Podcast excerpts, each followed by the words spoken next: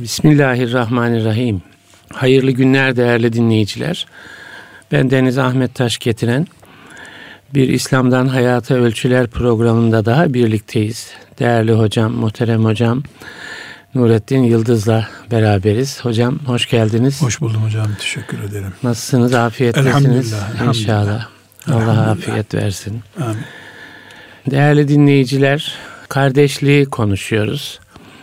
İslam'ın çok e, önem verdiği, Rabbimizin Kur'an'da müminleri kardeş olarak ilan ettiği bir hususu konuşuyoruz ama aynı zamanda bir problemli alanı konuşuyoruz.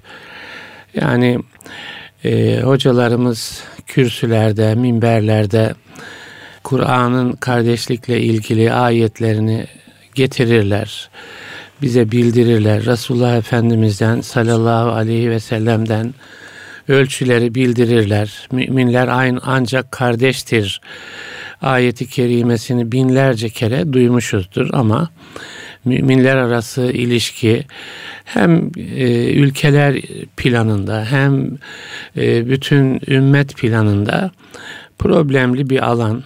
E, o işi başarmalıyız. Kardeşliği başarmalıyız ümmet olabilmek için.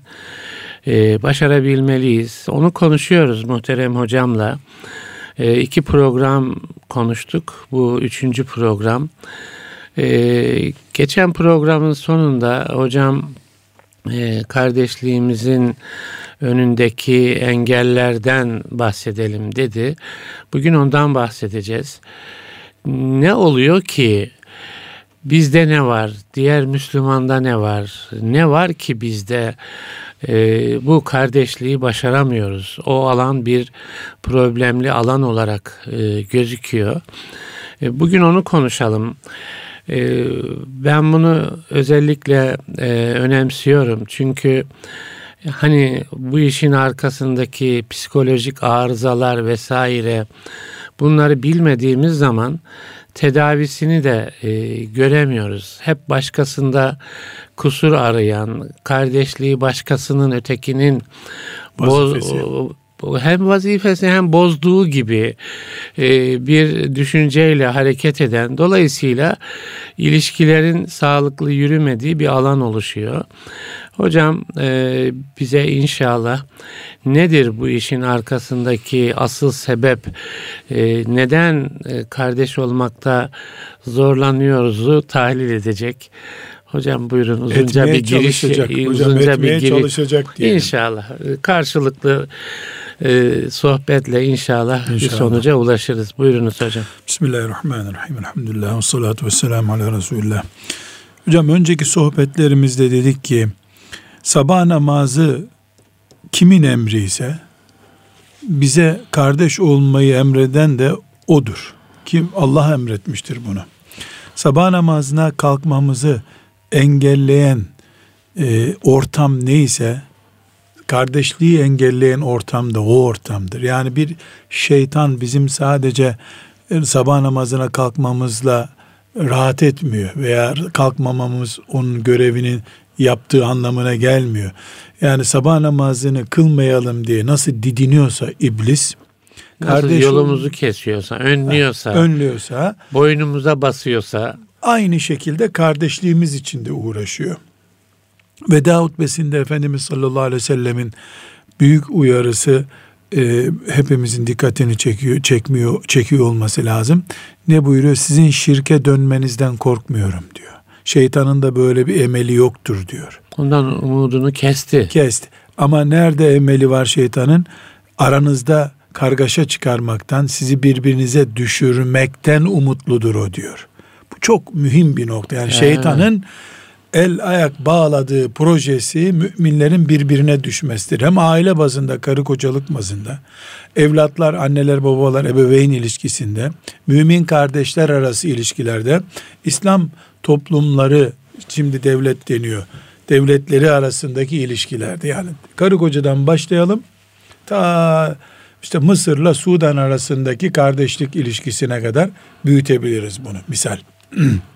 Yani Resulullah Efendimizin sallallahu o sallallahu aleyhi ve sellemin o ikazı orada bir potansiyel bulunduğuna da işaret Ve ediyor bunun, değil bunun mi? hiçbir zaman kalkmayacağına, Kalkmayacağına bu. da Tabii. işaret Veda ediyor. hutbesi ifadesi bu. Yani şirke düşmenizi belki şey yapma aklına getirmeyebilir şeytan. Onda umutsuz olabilir ama Şirke düşürmeyi şeytan uzun vadenin bir projesi olarak Evet, görüyor. Yani evet. Yüzlerce sene uğraşması lazım. Ama mümini birbirine düşürme için yüz dakika yeterli ona. evet. Ve şi- birbirine düşmüş müminlerin artık şirke düşmesi de kolaylaşacak. Evet. Çünkü kardeşlik, emri bil maruf, nehyanil münker ve tevasav bil hak ve tevasav bis sabr hepsi kalkacak o zaman. Evet. Allah için hakkı söylemek gidecek kardeşlik olmayınca. Yani bu kardeşlik bizim çimontomuz adeta. Evet. Çimontomuzu çürüttü mü kum çakıl hiçbir işe yaramayacak binamızı çökertecek gibi görünüyor. Belki o buyurduğunuz yani emri bil maruf yani kardeşlik için neler zaruri onu da bir ayrı başlık Tabii, olarak ona da ya ve tevasa bil hak ve tevasa bil sabr Bu o şartta da o da kardeşlik ilişkisinde ve tevasav bil hak olmadıkça da ziyanda olanlardan o- kurtulamıyorsun Evet, bu sefer. Böyle evet. asrın el insani lefi husur. evet Yani zararda oluyorsun ancak bunu gerçekleştirirsen ki onlardan iki tanesi kardeşlikle alakalı. Şimdi burada e, bütün bunları bir çatı isim altında toplayabiliriz. O çatı isim şu. Nasıl sabah namazını e, camileri boş hale bırakan, e, boş halde tutan potansiyel suçlu kimse neyse kardeşliğimizi de berbat eden odur. Çünkü emreden aynıdır. Me'mur kulları Allah'ın aynı kullardır. Sabah namazına me'mur kimdir? Ben Mümindir. filanca mümindir. Kardeşliğe me'mur kimdir? Filanca mümindir. evet Amirle memur aynı bu iki emirde de. Sabah namazında da kardeşlikte de. Sabah namazını genel olarak e, camileri boş bırakacak şekilde ihmal ettiren nedir dediğimizde büyük bir başlık buluyoruz. Diyoruz ki dünya sevgisi, dünyevileşme. evet E, eskilerimizin ifadesiyle tuğyanı dünya, dünyanın azması üzerimizde. Bu dünyanın tuğyanı, dü- dünya sevgisinin yani tuğyan haline gelmesi, azması bizim kardeşliğimizi de sele kattı götürdü. Kardeşliğimiz de bu selden zarar gördü. nasıl oluyor onu biraz izah etmemiz Sabah lazım. namazından açıyoruz tekrar. Sabah namazına niye kalkamıyor insanlar? Çünkü yatsıdan sonra 12'ye kadar 1'e kadar oturuyorlar. evet Film seyrediyorlar. evet Niye film seyrediyor? Kültürleşeceğim, dünya çapında olacağım vesaire. İşe gittim, şuraya gittim. Onun için uyuyamıyor. E niye e, sabah namazına kalkamıyor? Gece uyuyamıyor. Niye uyuyamıyor? Akşam mükemmel yemek yedi çünkü. Akşam yediği yemek onu uyutmaz hale getirdi. Bir nimet azmanlığı, bir e, ölçü tanımayacak şekilde mubahlarda aşırılık e, tiryakiliği, bunların hepsinin toplamına dünya sevgisinin, dünyevileşme sevgisinin artması diyoruz. Kardeşliği niye nasıl etkiliyor bu? evet Kardeşliği şöyle etkiliyor. Kıyamet günü ben dolarla, euro ile bir araya gelmeyeceğim. Mümin kardeşimle bir araya geleceğim. Ama şimdi euro müminden değerli oluyor. Lira müminden değerli oluyor. Bu uğurda evlat babasıyla kavga edebiliyor. Bu uğurda iki kardeş 20 sene konuşmuyor olabiliyorlar. Bu uğurda vakıf yöneticisi mümin kardeşler Allah için bir iş yaparken şeytan için birbirine giriyorlar gibi oluyor. Para ve para gibi değer taşıyan koltuk, siyasi güç, yönetim gücü veya onun benzeri bir force. Bunların hepsi müminlerin kardeşliğinin altını oyuyor. Mümin müminle niye cedelleşir? E, mümin müminle onun toprağında gözü olduğu için cedelleşir. Hakkı gasp edildiğini düşündüğü için cedelleşir. Veyahut da işte ailesine bir saldırı, saldırıda bulunduğu için de cedelleşir. Kimse fakir, gece konduda oturan veya kirasını zor veren bir adamla cedelleşmiyor. Elinde bir şey yok onun. Onun dünyevi bir şey yok elinde. Zenginle, mal sahibiyle, makam sahibiyle cedelleşiliyor. Onun aleyhinde konuşuluyor. Çok daha canlı bir misal. Mesela bir hoca bir hocayla niçin kavga etsin? niye Bir- yeter hocam Ne- nedir bu? Ee, yani bir hoca bir hocayla aslında güzel bir e, misal verdiniz. Yani uç bir şey gibi gözüküyor. Değil uç bir şey. Ama hocaların da adamları var. Onlar da birbiriyle kavga edecek. Kav- Şeytan bunu iki hocayı dövüştürmek için dövüştürmüyor. Yani bu şunun için e, dikkat çekelim diyorum. Yani bir hoca Allah'ın ayetlerini iyi bilen insanlardan birisi. Değil mi? Öyle kastediyor. Öyle beklenir. Öyle beklenir. Yani ayetleri de iyi bilir. Hadisleri de iyi bilir. Gıybetin yasaklığını da iyi bilir. Söz getirip götürmenin, alay etmenin, şunun bunun yasaklığını da bilir. Kul hakkını da bilir. Ama bir hoca bir hocayla mesela anlaşamıyor.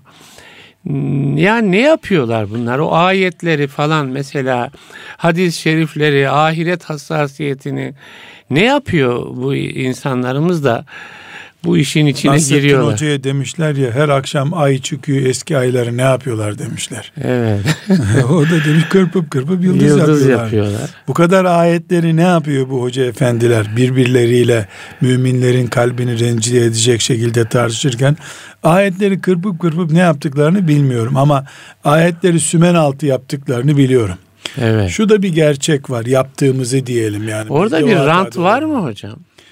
Mesela ee, demin dediniz ya dünyalık ne var ki mesela yani dediğimiz gibi hocalar alanından gidelim yani çünkü sokaktaki insandan önce insan hocaların mesela birbirine böyle kardeşçe sarılmasını bekliyor vesaire.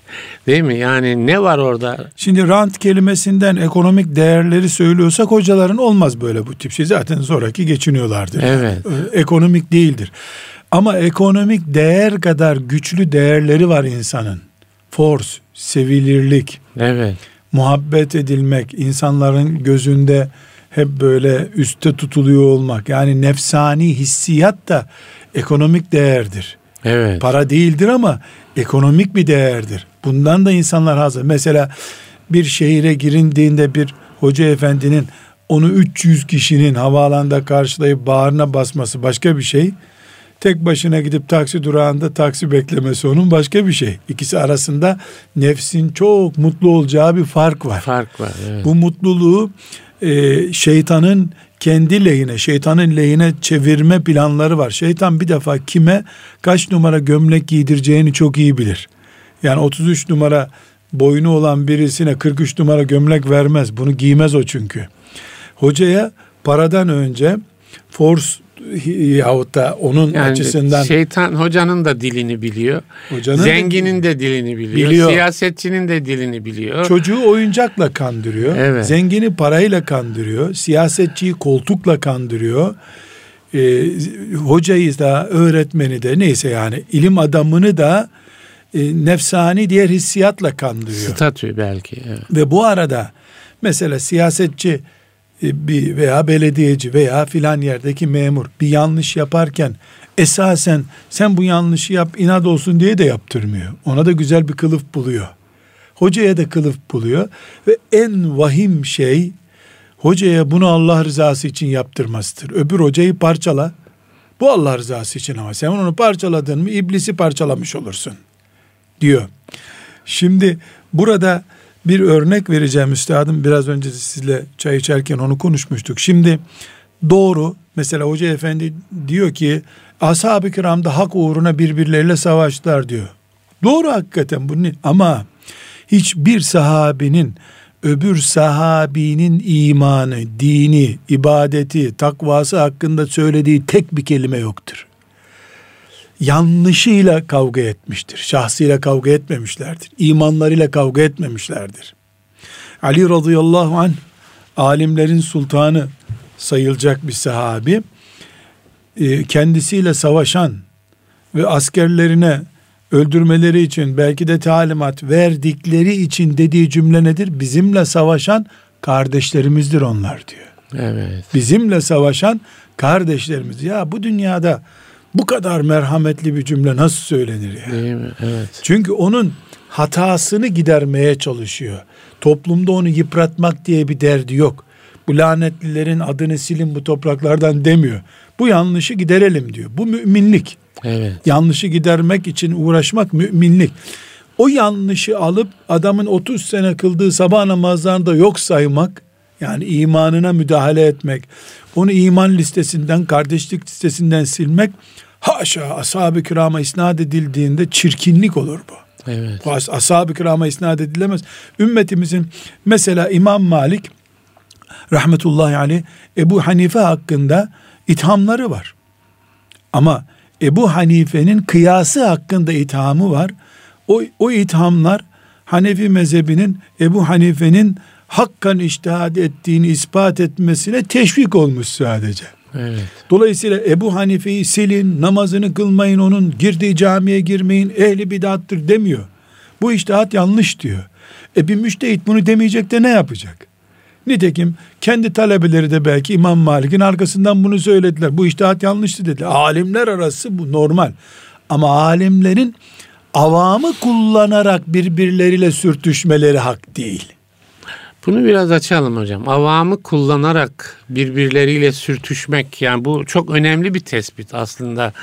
Yani işin içine amigoları katıyoruz. Amigo diyelim doğru. Heh, amigoları katıyoruz yani o, Filan- o anlamda değil mi? filan ayeti e, filan müştehit A müştehidi misal olsun diye söylüyorum böyle bir sabit bir konu değil Ebu Hanife rahmetullahi aleyh filan ayetten anladığım budur diye bir iştihatte bulunmuş bu Evet. müştehit öbür müştehit ondan 20 sene sonra gelmiş İmam Malik bu iştihat yanlıştır böyle bir iştihat olmaz demiş Evet.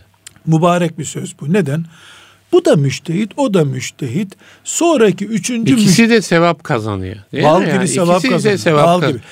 Üçüncü müştehitler oturmuşlar. Bunların hangisi doğru söylüyorlar? Bunu Allah böyle murad etmiş ki Kur'an hep canlı kalsın. Evet. Hadis-i şerifler hep canlı kalsın.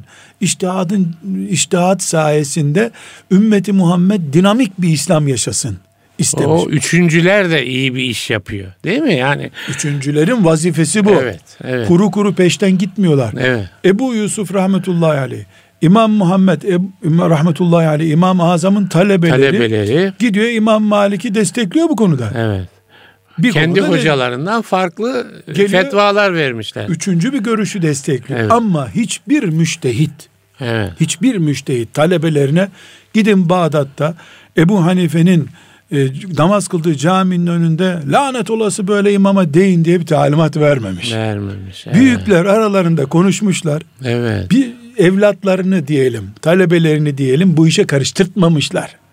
Yani toplanın, tweet atın, protesto edin, kamuoyu oluşturun diye bir şey vaki değil asla. Evet. Vaki değil. Mesela Hasan Basri, Fudayl bin İyad rahmetullahi aleyhime büyük adamlar ve büyük tepkiler göstermişler. Ama bu tepkileri halk bazında miting yaparak, şov yaparak değil, bir ilim adamının tavrını göstererek bu yanlıştır, sünnete aykırıdır deyip öbür müştehide Evza'ya cevap vermiş. E, Ebu Yusuf'a cevap vermiş. Filan halifeye cevap vermiş. Ama bu cevap kışkırtmak için değil, hakkı beyan etmek için. Evet. Hakkı beyan etmekle kışkırtma arasındaki fark nedir? Burada bu A artı B'dir diyor bu zat. Kesinlikle yanlış. A artı C'dir bu konu. Benim kanaatim budur. Hak Allah bilir doğrusunu, hak bilir. Selamun aleyküm. Ama bu böyle yapıldığında bir müştehit, bir alim öbür alime cevap vermiş olur. Bu Allah'ın emridir. Eğer ben talebelerimi toplayıp mesela veya da bir alim talebelerini toplayıp bu din gidiyor. Bu adamın söylediği bu sözden sonra din kalmayacak. Siz de evde oturup yemeniz içmeniz caiz değil. Siz e, Bu küff- adamı susturun. küffara karşı cihad ettiğinizi durun şimdi küffara gerek yok bu kafir içimize sızmış bu Haşa. filanca toprakların ajanıdır deyip avamı onun üzerine sürdüğüm zaman iblis minnettardır bunu yapana Evet. minnettardır. Çünkü alimlerin arasındaki ihtilaf rahmetti. Ümmetimiz ondan dinamik bir din yaşayacaktı. Avam kavga ettiği zaman taşla sopayla kavga ediyor, kalemle kavga etmiyor. Ve bu kıyamet alametlerinden biridir. Efendimiz sallallahu aleyhi ve sellem ne buyuruyor? Kıyamet alametlerini sayarken kalemin güçlenmesi ve yayılması kıyamet alametidir buyuruyor. Ne manaya geliyor? Uzmanı olmayanın da kalem kullanması, yazıp Hmm, çizip bu kavgaya katılması demek bu. Yani tek özelliği klavyede bir şey de yazamıyor adam. Klavyeyle bir şey yazamıyor telefonda. Gülücük, tebessüm, soru işareti olan semboller var. Onları basabiliyor adam. evet. Emin olun mesela selamun aleyküm yazamıyor. Selamun mesela selamun aleyküm yazıyor. İmla hatasını düzeltemiyor. Bu adam bile bir alime cevap veriyor. Evet. Ebu Hanife'nin yanlışlarına cevap veriyor kendince. Ya fe subhanallah 1400 sene oldu neredeyse senin ne işin var Ebu Hanife ile? Sen, sen niye? Sen evinde çocuklarına abdest öğrettin mi? Ya. Filancanın hangi mezhepten olduğu, öyleli adam 300 sene olmuş, buradan ona yeniden bir mezhep kategorisi çiziyor. Avam dini eline aldığı zaman bu mantıkla çocuğun oyuncağını eline alması gibi alıyor. Evet. Kolay atıyor. Allah'ın cehennemine adam atmaktan zevk alıyor avam. Ya da bir şey okumuştum böyle. Senin eline kalem vermek çocuğun eline tabanca vermeye benzer diye. E, kalem o işi yapıyorsa böyledir. Evet, evet. Şimdi ulemamız tartıştı. Doğru. Tartışmaları Allah'ın emriydi, kaderiydi. Başka türlü ilim gelmezdi bugün hocam. Şöyle bir şey e, üzerinde düşünebilir miyiz hocam? Yani bu tartışmaları e, kardeşlik e, çerçevesini bozmadan yapabilme ahlakı nedir o? Bir numaralı ahlak haddini bilmektir hocam. Evet, evet, Yani Ebu Hanife ile İmam Malik tartışsın. evet. Ama ben 1200 sene sonra gelip İmam Malik'e cevap verirsem eh pes ya bu kadar olur yani otur oturduğun yerde be. Ne boyun yetiyor ne ayağın uzuyor oraya kadar. Ben kime cevap vermeliyim? Benim gibi ilahiyat fakültesi mezunu birisine ben cevap vermeliyim. Evet, Birinci kural bu. Herkes haddini bilsin. evet, İki, yani bir Müslüman Kur'an-ı Kerim elimlerinde tahassus etmiş Bir de belki şu yani dinle ilgili konuda haddi bilmek ne demek? Dinle ilgili konuda haddi bilmek demek bir defa din Allah'ın. Evet. Peygamberine bile yanlış konuşsan seni şöyle yaparız diyen ayet var. Evet. وَلَوْ تَقَوَّلَ عَلَيْنَا بَعْضَ لَقَاوِيلٍ bize haşa sen bir yanlış bir şey söyleyecek olsan لَاَخَذْنَا مِنْهُ بِالْيَمِينَ Seni böyle tutup parçalarız Allahu Teala buyuruyor. Evet. Peygamberin bile konuşma hakkı yok din hakkında neredeyse. Beyan etme, Allah'tan tebliğ etme hakkı var. En büyük had bir defa Allah adına konuşmaya kimsenin hakkı yoktur. Evet. Anladığını söylemek hakkı vardır. Alimse bu da son sözdür diyemezsin. Senin kadar kıyamete kadar ne niceleri gelip Allah adına böyle anladım deme hakkı var. 1990 yılında, 2020 yılında, 2050 yılında biri çıkıp son sözü söyledim. Kur'an-ı Kerim'in son tefsirini yazdım dediği zaman batıl bir iş yapıyordur.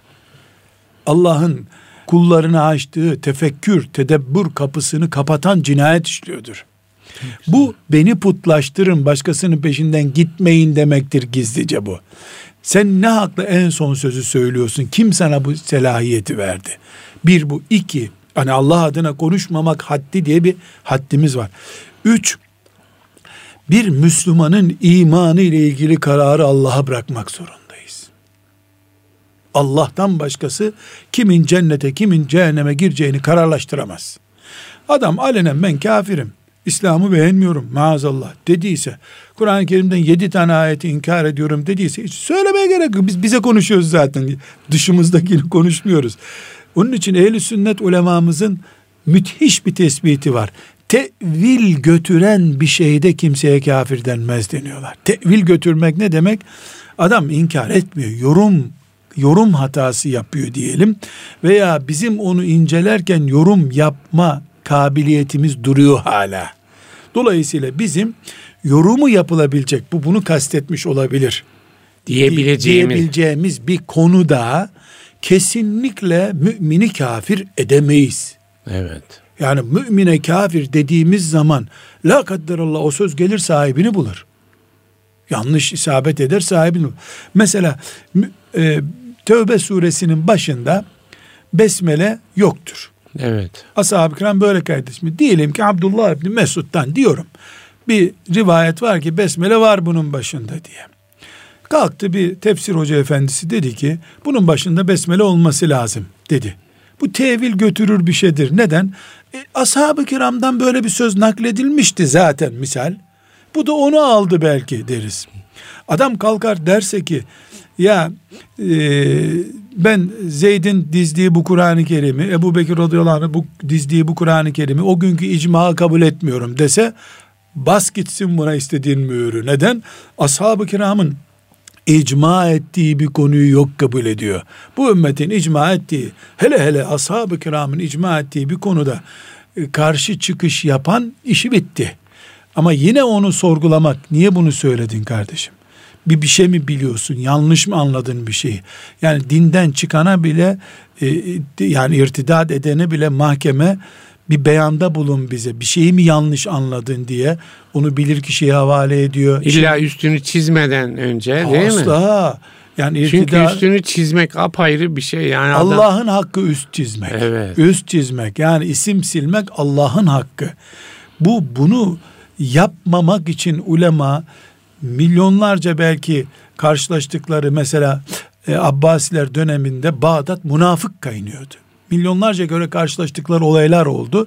Münafık demeye korktular, zındık dediler insanlara. Evet. Yani siyasi bir literatür kullandılar. Terörist gibi bir kelime zındık hı hı. kelimesi. Niye? Münafıklık alenen kafir demek. Ya başımıza bela olur kıyamet günü diye korktular evet. bunu söylemekten. Yani burada yani bu, bu bir güzel bir şey söylüyorsunuz hocam. Başımıza bela olur ahiret günü. Herhalde. Yani Şimdi o kaygı önemli bir kaygı bu kardeşlik konusunda da değil mi önemli bir kaygı yani. Hocam adama ebedi cehennemlik diyorsun. Evet. Kafir dediğin zaman. Ebedi cehennemlik dediğin adam cennette selam verecek sonra ne yapacaksın? Ne yapacaksın? Ne yapacaksın? Hani ben ebedi cehennemliktim. Sonra o sözden helalleşmeden cennete girmek mümkün değil. Evet. Yani hep avam mı kul hakkından helalleşecek? Hocalar da helalleşecekler kıyamet günü. Kasıtla yaptıysa İmam Malikler de helalleşecekler Ebu Hanife'ye bu sözleri söyledin diye. Evet. Onun için e, İbn Abdülber'den Zehebi'den hatırladığım kadar aklımda kalan bir şey var. İmam Malik'in Ebu Hanife'ye söylediği bu sözler var ya yanlış yaptı bu böyle yapmamalıydı diye evet. beyan etti. Diyor ki özet olarak söylüyorum e, muasırların birbirleri hakkındaki ithamlarını bizim kullanmamamız lazım diyor. Hmm. Onlar diyor her şey sonuçlanmadan birbirlerine böyle şeyler söylediler. Biz sonra orijinal kuş bakışı gördük her şeyi. Bir alim hakkında muasırının kanaati kullanılmamalı diyor. Çok enteresan. E tabi. Mesela İmam Malik böyle dedi. Çünkü Bağdat'tan ona haber gelinceye kadar kim bilir ne değiştirdi. Kitabı yok, bir şeysi yok ortada. Ya. İmam Malik'e bu sözler şifa Birbiriyle görüşmediler. Bir, Ebu mi? Hanife mesela İmam Malik e, Ebu, Ebu Hanife rahmetullahi aleyhin talebesi İmam Muhammed'i gördükten sonra söylememiş bu sözleri. Bakmış evet. ki yetiştirdiği talebe muhaddis. Evet. Ya ama hacca geliyor birisi Medine'de Bağdat'ta bir Ebu Hanife var. Şöyle attı böyle attı diye neler söylüyorsa İmam Malik o sözlere cevap veriyor. Gidip de ona tweet atıp böyle mi dedin diye soracak imkanı yok. Bu, bu çok müthiş bir İbn Abdülberr'in bu tespiti çok evet. önemli. Yani alimler e, muasır alimler, birbirlerini tetkik etme imkanı bulmayan alimler genel bir kanaat kullanmış olabilirler. Bu kanaati hüküm gibi kullanmamız caiz değil bizim. Doğru değil diye bir tespit yapıyor. Zehebi'de de böyle bir e, kanaat var. Şu anda tam aklımda değil. Kaynağını tespit edemiyorum.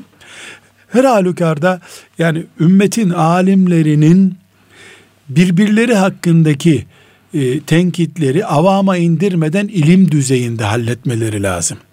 Yani mesela en basit örnek İbn Teybiye ile Sübki Şafii ulemasından iyi bir fakih. Sübki arasında derin e, kavgalar vardır. Ama bu kavgalar böyle oturup filmi yapılsa var ya hocam böyle müthiş izlenip bir ilahiyat fakültesi okumaktan daha iyi. Onun üzerinden alim olursun yani. Evet. Bir hele Sübki'nin ona verdiği cevaplar yani bir talebe için kelepur bilgiler bunlar. Her şeyin evet, özetini evet. veriyor. Derine girmeden hazır bir nimet yani. Ama İbn Teymiye ile Sübki arasında ya da Sübki'nin İbn Teymiye ile Allah ikisine de rahmet etsin. Bu tartışmaları avamın lisanına düşünce adı Vahabilik oldu, Selefilik oldu, radikallik oldu. Bu sefer araya Cephe, gereksiz cephe çıktı. Cepheler. cepheler çıktı. Biz kafirlerin önünde tek yumruk bulunmamız gerekirken birbirimize yumruk sallar hale geldik bu sefer. Sadece bu bir örnek yani illa evet, evet. Sübki ile e, İbn Teymiye arasındaki münakaşa açısından değil bu. Zaten İbn Teymiye sonradan e, Sübki'nin peşinden giden ulema da e, hocalarını desteklediler veya aynı mezhepten olduğu için desteklediler. Çoğunda da Sübki haklı. Yani İbn Teymiye'nin çizgisini yan buldu. Ama her halükarda Sübki bir kafire cevap vermedi o esnada hatalı konuşuyorsun dediği İbn Teymiye cevap verdi. Bu baba ile oğul arasında da olabilir bir şey. Eşler arasında olabilir bir şey. Hoca ile talebe arasında olabilir bir şeydir. Alimle alim arasında olmalıdır da bu. Yoksa biz bir alimin peşine takılır gider kalırız öyle. Yani hocam bir Müslüman en basit ilmihali alsın hocam. En basit ilmihalin taharet bölümünü alsın mesela. 20 sayfadır taharet bölümü. Hocam en basit ilmihalde bile mesela Diyanet'in ilmihalini alalım. En ucuz, en yani ucuz derken bilgisi en sade halk için yazılmış bir ilmihal. Güzel hakikaten. Ee, orada bir bakalım hocam. Yani şu meselede Ebu Hanife diyor ama Ebu Yusuf şöyle bir kolaylık getiriyor diyor. Ya sağlığında hocasına aykırı görüş belirtmiş. Kimse bunu ayıplamamış. Üstelik de Ebu Hanife'nin üstünlükleri sayılırken Allah rahmet etsin hepsine. Yani büyüklüğü sayılırken müşt sağlığında talebelerine aykırı görüş söylettiren adam diye takdim ediliyor. Hakkan da öyle hocam. Sağlığında Ebu Yusuf, Muhammed, Züfer, Hasan gibi dev adamlar yetiştirmiş. Evet. Sağlığında çocuklar siz ne diyorsunuz? Nasıl dediyse artık ben öyle diyorum. Çocuklar ne diyorsunuz siz bu konuda sormuş. Ondan sonra kendi görüşünü belirtmiş. Sizinkini de böyle kaydedin demiş. Yani bir dipnot koydurtmuş talebelerinde. Bu ilimdir. Evet. Bunu alimler yapmazsa dinimiz bugünlere böyle hareketli bir din olarak gelmezdi. Allah'ın lütfu buydu. Böyle takdir buyurdu Rabbimiz geldi. Ama bu doktorların şırıngaları, doktorların neşterleri çoluk çocuğun halkın eline düştüğü zaman kesip doğuruyor. E, avam bununla ilgilenmemeli. Herkes haddini bil. Ne yetiştiği, elini öptüğü hocasının e, pazarlamasını yapmalı ne de öbür alimlerin, öbür hoca efendilerin üzerine e, saldıracak bir komando görevi görmeli kendisinde.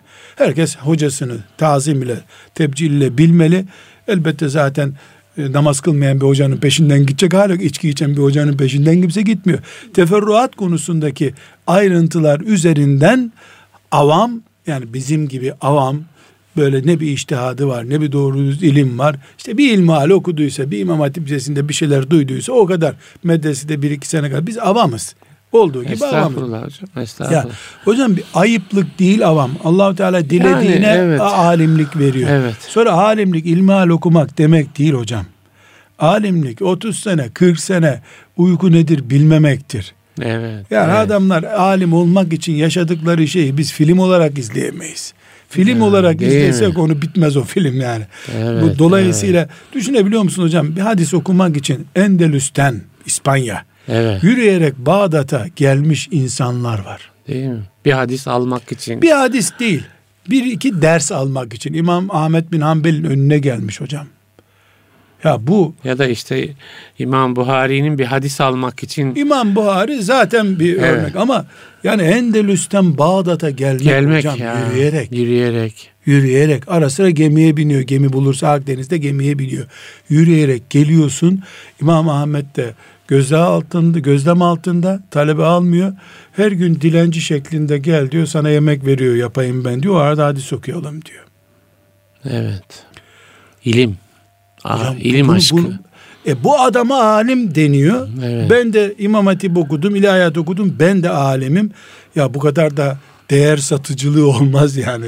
Evet. Onlar alimse biz neyiz? Biz alimsek onlara yer kalmadı bu sefer.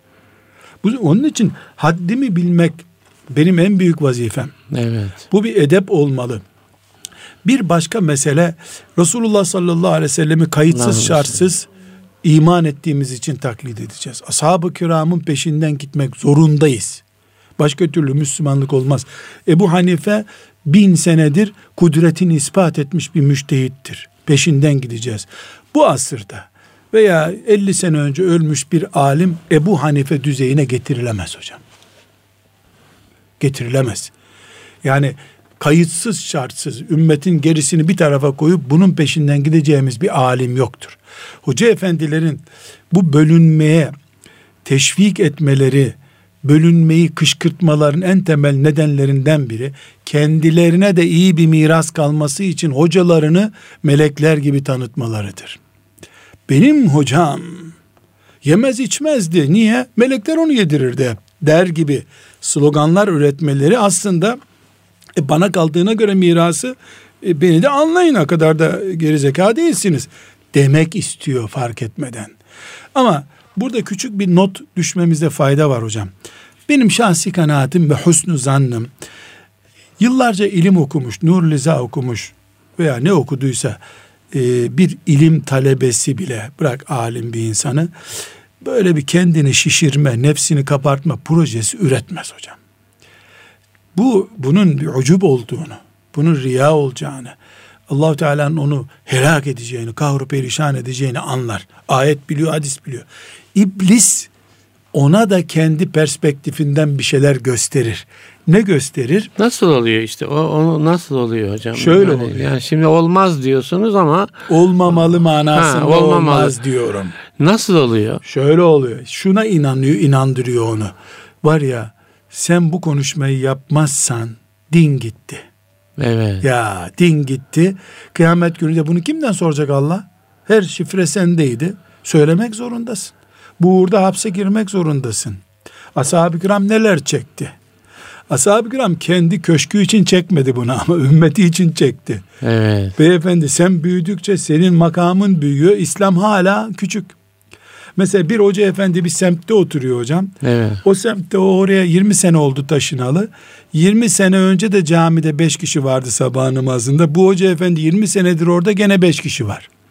Hoca efendinin ise evinden çıkarken makam arabasının arkasından eskortlar çıkıyor. Hoca efendi şaşalı büyümüş. Hoca efendinin mahallesinde cemaat büyümemiş. Evet.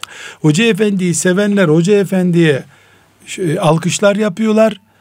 E, hoca efendiye haşa tweet atıldığında yanlış bir şekilde yeri göğü birbirine karıştırıyorlar.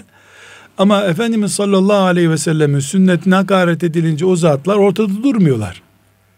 Yani İslam büyür başka şey, Müslüman büyür başka bir şey. Bizim derdimiz Müslümanı büyütmek değil ki İslam'ı büyütmektir. Yani biz en iyiniz olmadığım halde başınıza getirildim diyen Ebu Ya. Bekir radıyallahu anh'ın peşinden Yani, gidiyoruz. Evet. Yani mantık bunu da riya için söylemediğini herkes biliyor yani. Allah şahit ki riya için söylemiyor onu. Ya en iyiniz olmadı mı? Halbuki ümmetin en iyisiydi. Evet. Hiç tereddütsüz en iyisiydi. Ama onun gösterdiği alçak gönüllülük. Şimdi bir hoca efendinin e, şunu bilmesi gerekiyor. Yani ben hocaysam ben, sizseniz siz kimse hepimizin bilmesi gerekiyor. Beni de şeytan benim standartlarıma göre bir hileyle kandırır. O benim standartlarıma göre olur. Kandırabilir. Kandırabilir yani. O kapasite, o potansiyel bende de var. Bir insanım ben çünkü. Beni neyle kandıracak peki? Elbette beni alkolle kandırmayacak. Beni aynanın karşı- karşısına geçirip şu sarığıma bak ya maşallah. Sakalım da tam sünnet-i seneye uygun herhalde. Filancanın sakalı da ne kadar kısaydı. Dedirtecektir. Ya da işte e, ben sabah namazına gittim. Sabah namazında en ön saftaydım. Zaten hoca en ön safta olması lazım. Gibi bir şeyi bulacaktır. Yani Bir iblis girme nüfuz noktası. onun bir yöntem bulmaması mümkün değil. İblis çok profesyonel. Ya, Milyarlarca insan, insan psikolojisini okuyor. Psikolojide katkısı da var zaten. Psikolojinin oluşmasında katkısı var. Yani insanın psikolojisini yönlendiriyor. O kadar yönlendiriyor ki benim özel psikolojimi belki de katkıdaki fazlalığı sayesinde o oluşturuyordur belki de. Bu kadar bariz bir şeyi bir hoca efendinin takdir etmesi lazım. Burada hoca efendi kendisini nasıl test edecektir? Çok kolay. Ben mesela günlük en az 50 Müslümana cevap veriyorum. Yer yer Sorular geliyor. sorular geliyor, şifahi geliyor. evet. Bugün mesela yorgunum belki de size diyorsun. Dün aşağı yukarı 20 Müslüman ağırladım. Ee, ve uzun sürdü görüşmeler. Akşam bitkin bir vaziyette eve gittim. Yani dinlenemedim gece. E, elhamdülillah ama Bu, İyi, iyisiniz maşallah. Elhamdülillah, elhamdülillah. evet. Şimdi şöyle bir şeyle karşılaşıyorum. Mesela e, bir cevabıma karşı cevaplar geliyor. Filan hoca böyle demedi de sen niye böyle diyorsun? Mesela işte insanlar filan bankadan ev alabilir miyim? E, hocalar diye caiz sormuş. diyor soruyorlar. Ben de diyorum ki benim kalbim bu konuda mutmain değil, e, uygun değil diyorum. Allah sen kaç yaşındasın filan hoca efendi işte ilahiyat hocalarının hocasıdır o olur diyor sen niye demiyorsun? E kardeşim diyorum ben bu kadar düşünebiliyorum. O düşünen de hoca efendi onun peşinden git diyorum. E biz sana güvendik diyor. İlla ikinci desteği de istiyor. Burada nefis devreye giriyor. Giriyor. Diyor ki nefis e sen takvaya teşvik ediyorsun. Bak gevşeklik istiyor. Demek ki iki hoca arasındaki fark takva farkıymış. Maşallah. Size bunu diyor. Nefsim diyor bunu bana. Ha, evet. Nefsim bunu bana diyor. O nefse de bir işte şeytan fısıldıyor. Ben sekreteri arıyorum. Bu, bu bir daha soru sorarsa cevap verme. Bunun cevabını da sil siteden diyorum. Evet. Çünkü bu beni nefsime doğru çekiyor. Evet. Yani bunu yapmadığım takdirde ben Allah rızası için ücret almadan yaptığım bir işi aslında beşeri bir ücret alarak harap etmiş olacağım. Evet. Fark etmeden. Evet, evet. Bu sebeple her hocaya da e, bunu itham ediyorum hocalar hep böyledir manasına değil. Şeytan herkese bir yerden bir kulp takıyor. Beci, herkesin zaaf noktalarını çok iyi kestiriyor. Oradan giriyor. Ama hoca efendilerin kendilerini test edeceği iki nokta vardır. Ben siz de biliyorsunuz hoca efendi birisinin çocuğuyum. Tabii ki. Yani 57 yaşındayım. Allah sağlık afiyet Amin. versin babanıza. Amin. Hep, hepimizin e, büyüklerine rahmetiyle muamelede bulunsun. Yaşayanla da ölenle de. Ee, ben 4 yaşında babamın rahlesinin yanına oturttu. Beni hafızlık yaptırmak için oturttu. Babam o zaman halkla 1964'ten söz ediyorum. Halk gelir gider sorular sorarlardı. O zaman işte iki elle pantolonu çekersen namaz bozulur mu? Takkesiz namaz kılanın namazı olur mu? Meşhur sorular. 1967'lerde 68'lerde hocalara sorulan soruları çok iyi biliyorum ben. Evet. Babama sorulurdu. Babam cevap verirdi. Şimdi e, ben o zamandan beri halkı tanıyorum. Hoca efendiyi de tanıyorum. Hoca efendiler kimlerdi tanıyor. Ben babamın etrafındaki hoca arkadaşları mesela babam e, Mahmut Efendi'nin talebe arkadaşı olduğu için o cemaat İsmail Ağa cemaatiyle de e, ciddi bağlantısı vardı hala da var. Onlar mesela belli periyotlarla oturur genel gidişatı konuşurlardı.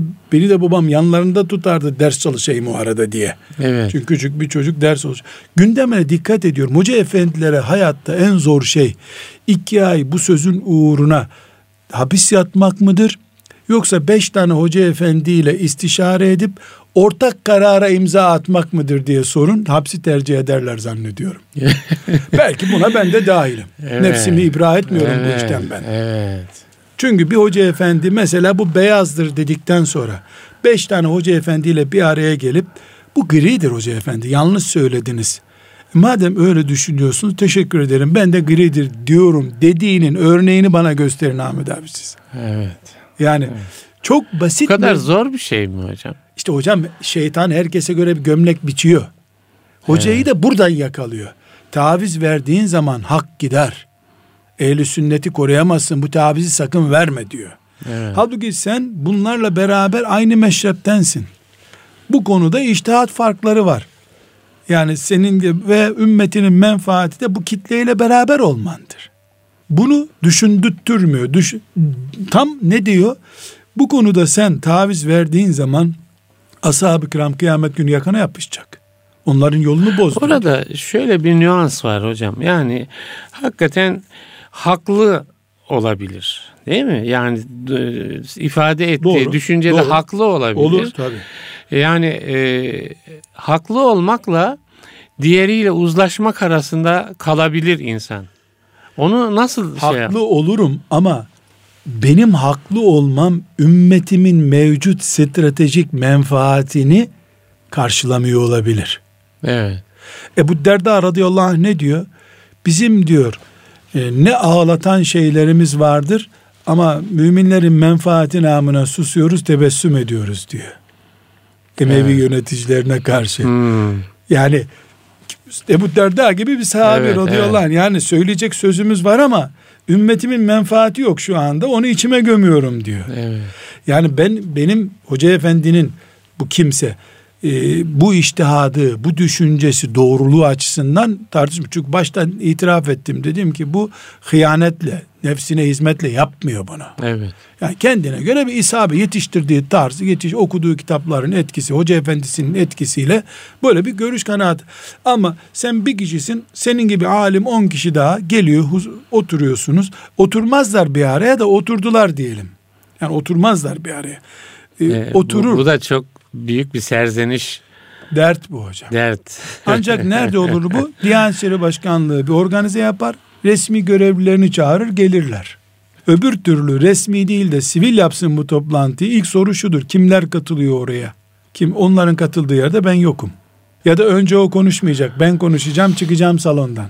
Çocukça diyebilirsiniz buna. Ümmeti kafasındaki teorilerden sonraya atan anlayış diyebilirsiniz. Bir araya geldiler diyelim. E, hoca efendiler dediler ki siz haklı olabilirsiniz. Uygun değil bu görüş.